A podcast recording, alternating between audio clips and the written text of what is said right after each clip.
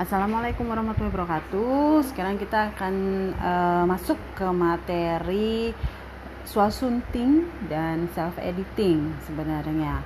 Uh, jadi swasunting itu mengedit sendiri gitu ya. Edit itu kan bahasa Inggris ya.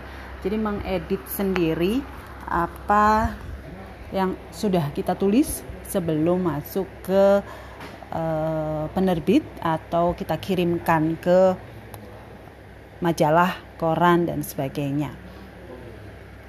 Kemudian yang akan kita pelajari di sini itu ada PUEBI, pedoman umum bahasa Indonesia, ejaan bahasa Indonesia. Kemudian ada huruf kapital, tanda baca, ini ada tanda baca koma, tanda baca petik kalau dalam dialog, kalau ada eh, istilahnya kita nulis fiksi ada dialognya kemudian penggunaan kata sambung si dan sang biasanya ini banyak sekali digunakan untuk uh, nulis-nulis dongeng atau fabel kata baku dan non baku ini bisa dicari dilihat di KBBI KBBI sekarang sudah ada KBBI online uh, KBBI 5 online itu bisa di download di Play Store. Kemudian imbuhan di dan kata depan di ini juga membedakan. Imbuhan itu penulisannya disambung biasanya kalau kata depan di di meja di sana di sini itu dipisah menunjukkan tempat. Dan imbuhan me imbuhan me itu ada beberapa kata atau kons huruf yang eh, depan untuk kata kerja atau untuk uh, kata kerja ya biasanya. Kalau KTSP kata kerjanya kata dasarnya itu awalannya itu KTSP dia biasanya melebur siram S kan KTSP berarti menyiram nggak ada S-nya lagi koordinasi mengordinasi bukan mengkoordinasi begitu ya nanti kita jelaskan dan bagaimana cara membuat kalimat efektif Yang pertama adalah huruf kapital, biasanya dipakai sebagai huruf pertama. Itu besar ya, nama orang, julukan, nama tokoh. Dalam naskah dongeng itu ada fabel atau lainnya nama tokohnya menggunakan huruf kapital walaupun itu nama hewan atau nama tumbuhan. Itu kalau nama tokoh dia pakai huruf kapital. Kemudian juga dipakai sebagai huruf pertama nama bangsa, suku, bangsa Indonesia. Bangsanya B-nya kecil, Indonesia N-nya besar. Bangsa Indonesia, suku Sunda, bahasa Inggris, negara Arab gitu ya. Kemudian huruf kapital juga dipakai sebagai huruf pertama nama tahun, bulan, hari, hari raya dan peristiwa sejarah. Contohnya tahun Hijriah, bulan Agustus tahunnya T-nya kecil hijriahnya besar. Bulan Agustus B-nya kecil Agustusnya besar. Hari Jumat hari Lebaran perang candu. Nah itu nama nama-nama hari atau peristiwa sejarah. Kemudian huruf kapital juga dipakai sebagai huruf pertama nama khas geografi seperti Asia Tenggara, nama kota ya Banyuwangi, Semarang, kemudian bukit nama Bukit Barisan, Danau Toba, Gunung Kelut, Ngarai Sianok itu depannya hurufnya besar semuanya. Kemudian juga dipakai uh, huruf pertama nama diri atau khas geografi yang tidak uh, ditulis dengan huruf kapitalnya. Kemudian ada ada ada sebuah kata yang mengikuti e, nama diri atau nama khas geografi tetapi tidak ditulis kapital seperti jeruk Bali. Balinya itu enggak kapital karena apa? Dia tidak menunjukkan e, kota atau nama geografi tetapi dia menunjukkan jenis atau macam jeruk. Kacang Bogor. Bogornya juga B-nya kecil karena dia tidak menunjukkan tempat atau geografi tetapi dia menunjukkan jenis kacang nangka Belanda ayam Bangkok. Nah itu kecil. Kemudian huruf kapital dipakai juga sebagai huruf pertama penunjuk hubungan kekerabatan se, uh, sapaan juga bisa gitu ya seperti bapak, ibu, kakak, adik, paman yang dipakai dalam penyapaan atau pengacuan. Misalnya, kapan bapak pulang? Tanya Ida. Surat saudara sudah saya terima. saudara S-nya besar. Adik bertanya, "Itu apa, Bu?" gitu kan. Jadi uh, sapaan gitu ya. Kemudian juga dipakai uh, kata ganti kata atau huruf pertama kata ganti Anda. Anda itu adalah sapaan, jadi hurufnya harus besar. Sudah kan Anda tahu? Surat Anda sudah kami terima. Nah, banyak sekali untuk eh, huruf-huruf uh, uh, besar ya. Sekarang uh, yang harus ditulis dengan menggunakan huruf kecil pada judul partikel. Nah, partikel itu ada pun, per, demi. Jadi kalau ada judul menggunakan huruf kecil yang misalnya analisis uh, pembaca Al-Qur'an per bulan Mei. Nah, pernya itu kecil. Analisis A-nya besar, bulan B-nya besar gitu ya. Kemudian kata sandang, si sang hurufnya kecil itu. Kata depan, di, ke, dari, dengan, pada, bagi. Itu tulisnya kecil kalau pada huruf. Oleh, kepada, terhadap. Kemudian kata hubung, ada dan, serta, yang, karena, tetapi, sehingga dalam jika kalau secara interjeksi oh ah deh dong kok sih. Nah itu kecil semuanya.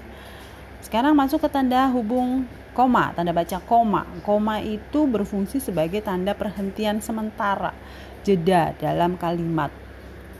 Kata penghubung yang tidak didahului tanda koma itu ada agar kalau. Itu nggak perlu ada koma di depan sebelum kata itu ataupun sesudah kata tersebut agar kalau sebab bahwa karena sehingga maka jika itu nggak perlu tanda koma kecuali ini ada tanda koma di depan kata ini nih kecuali tetapi kemudian namun namun kalau di tengah-tengah di depannya bukan di belakangnya ya.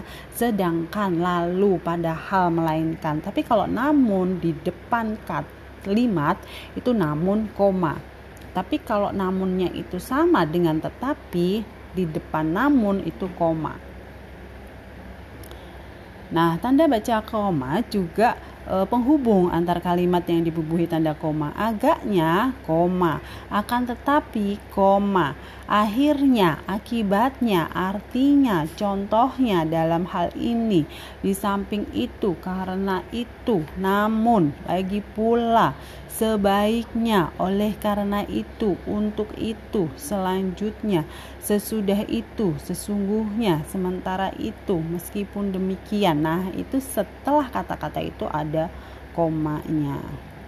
Kemudian juga untuk memberi perincian, pemerian.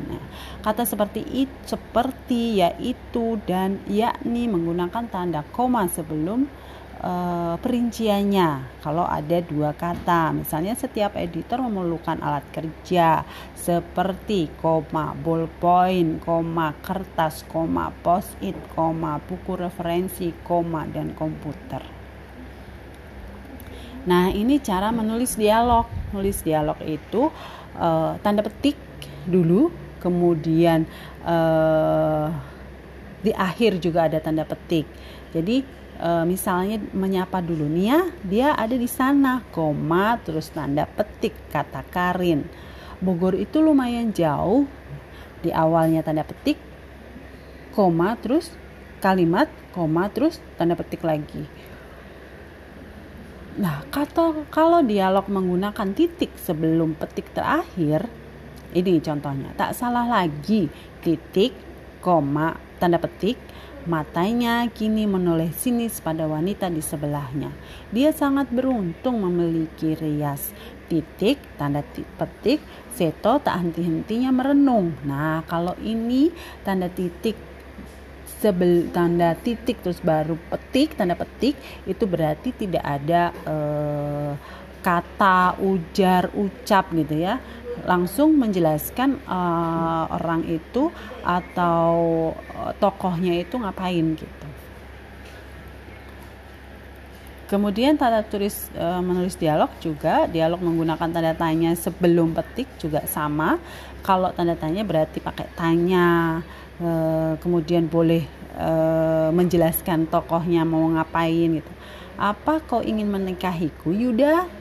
Tanda tanya, tanda petik, tanya Nami. Kapankah hujan deras ini akan reda? Tanda tanya, tanda petik, Rian mulai bosan.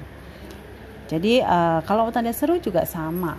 Aku tak pernah melakukan itu. Tanda seru, tanda petik, teriak hari. Kemudian leontin itu sangat mahal. Tanda seru, tanda petik. Jika tampak marah. Tara itu orang jahat. Tanda seru, tanda petik. Jo mencoba menjelaskan. Nah, itu boleh mau teriak, seru, perintah atau langsung tokohnya dijelaskan sedang ngapain gitu.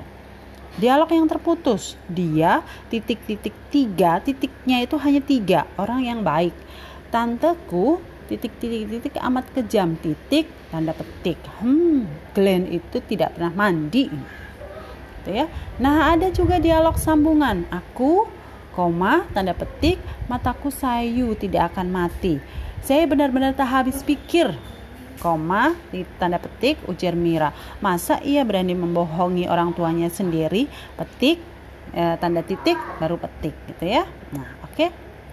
Kemudian ini masih banyak sekali tanda uh, menulis dialog ya.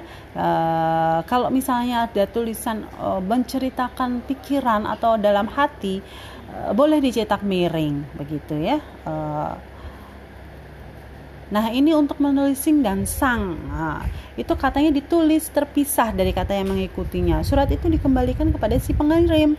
Toko itu memberikan hadiah kepada si pembeli ibu menghadiahi sang suami kemeja batik. Jadi ditulis ya.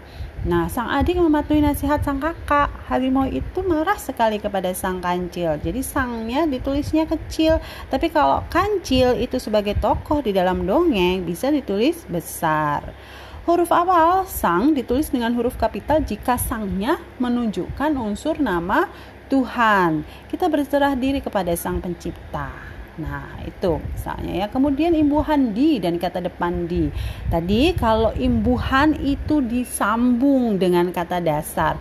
Di ditambah makan, dimakan. Dinya disambung sama makan.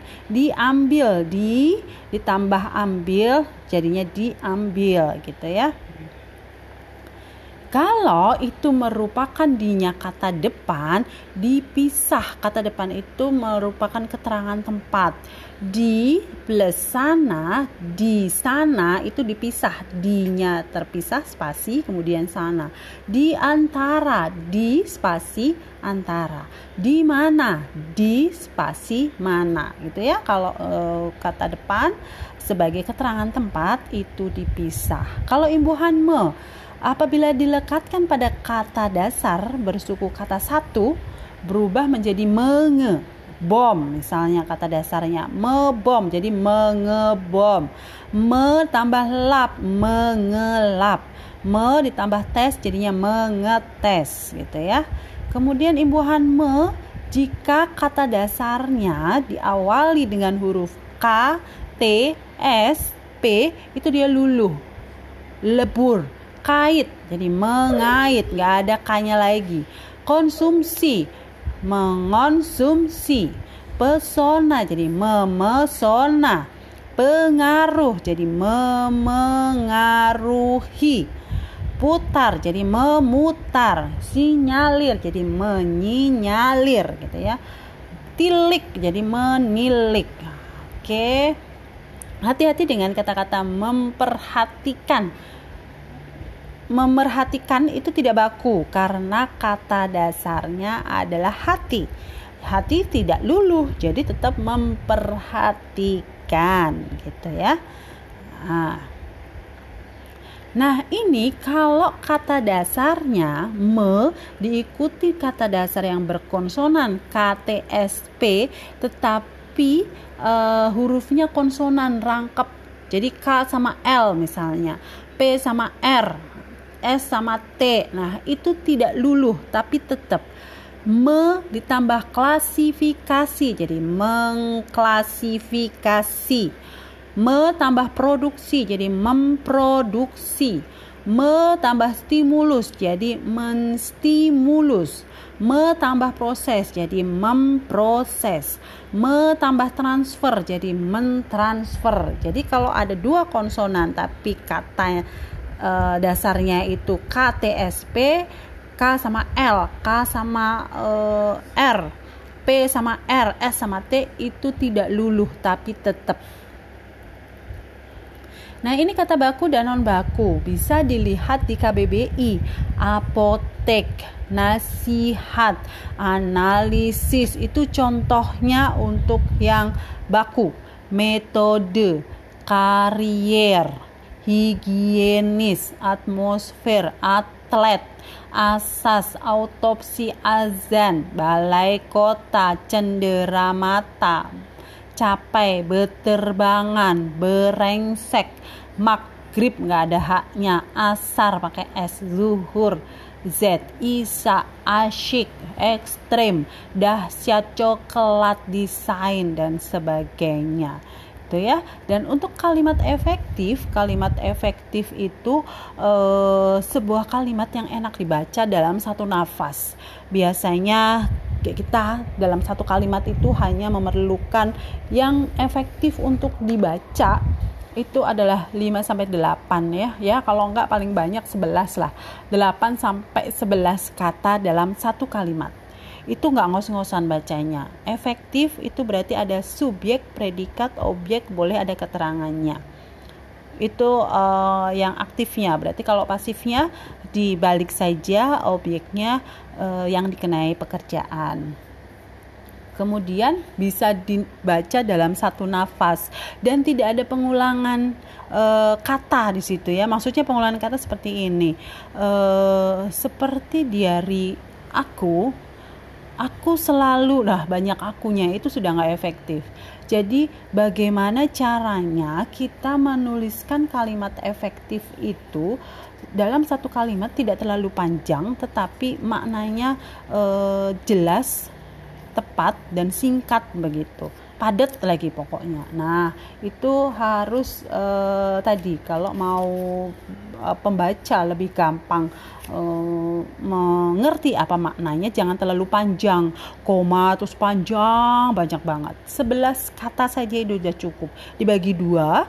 Nah, selanjutnya untuk kalimat selanjutnya ditambahin dengan kata sambung. Selanjutnya, kemudian oleh karena itu, nah itu jadi kalimatnya lebih luwes 8 kalimat satu kalimat kemudian selamat 8 kata satu kalimat kemudian ditambah kalimat berikutnya ditambahin dengan kata sambung.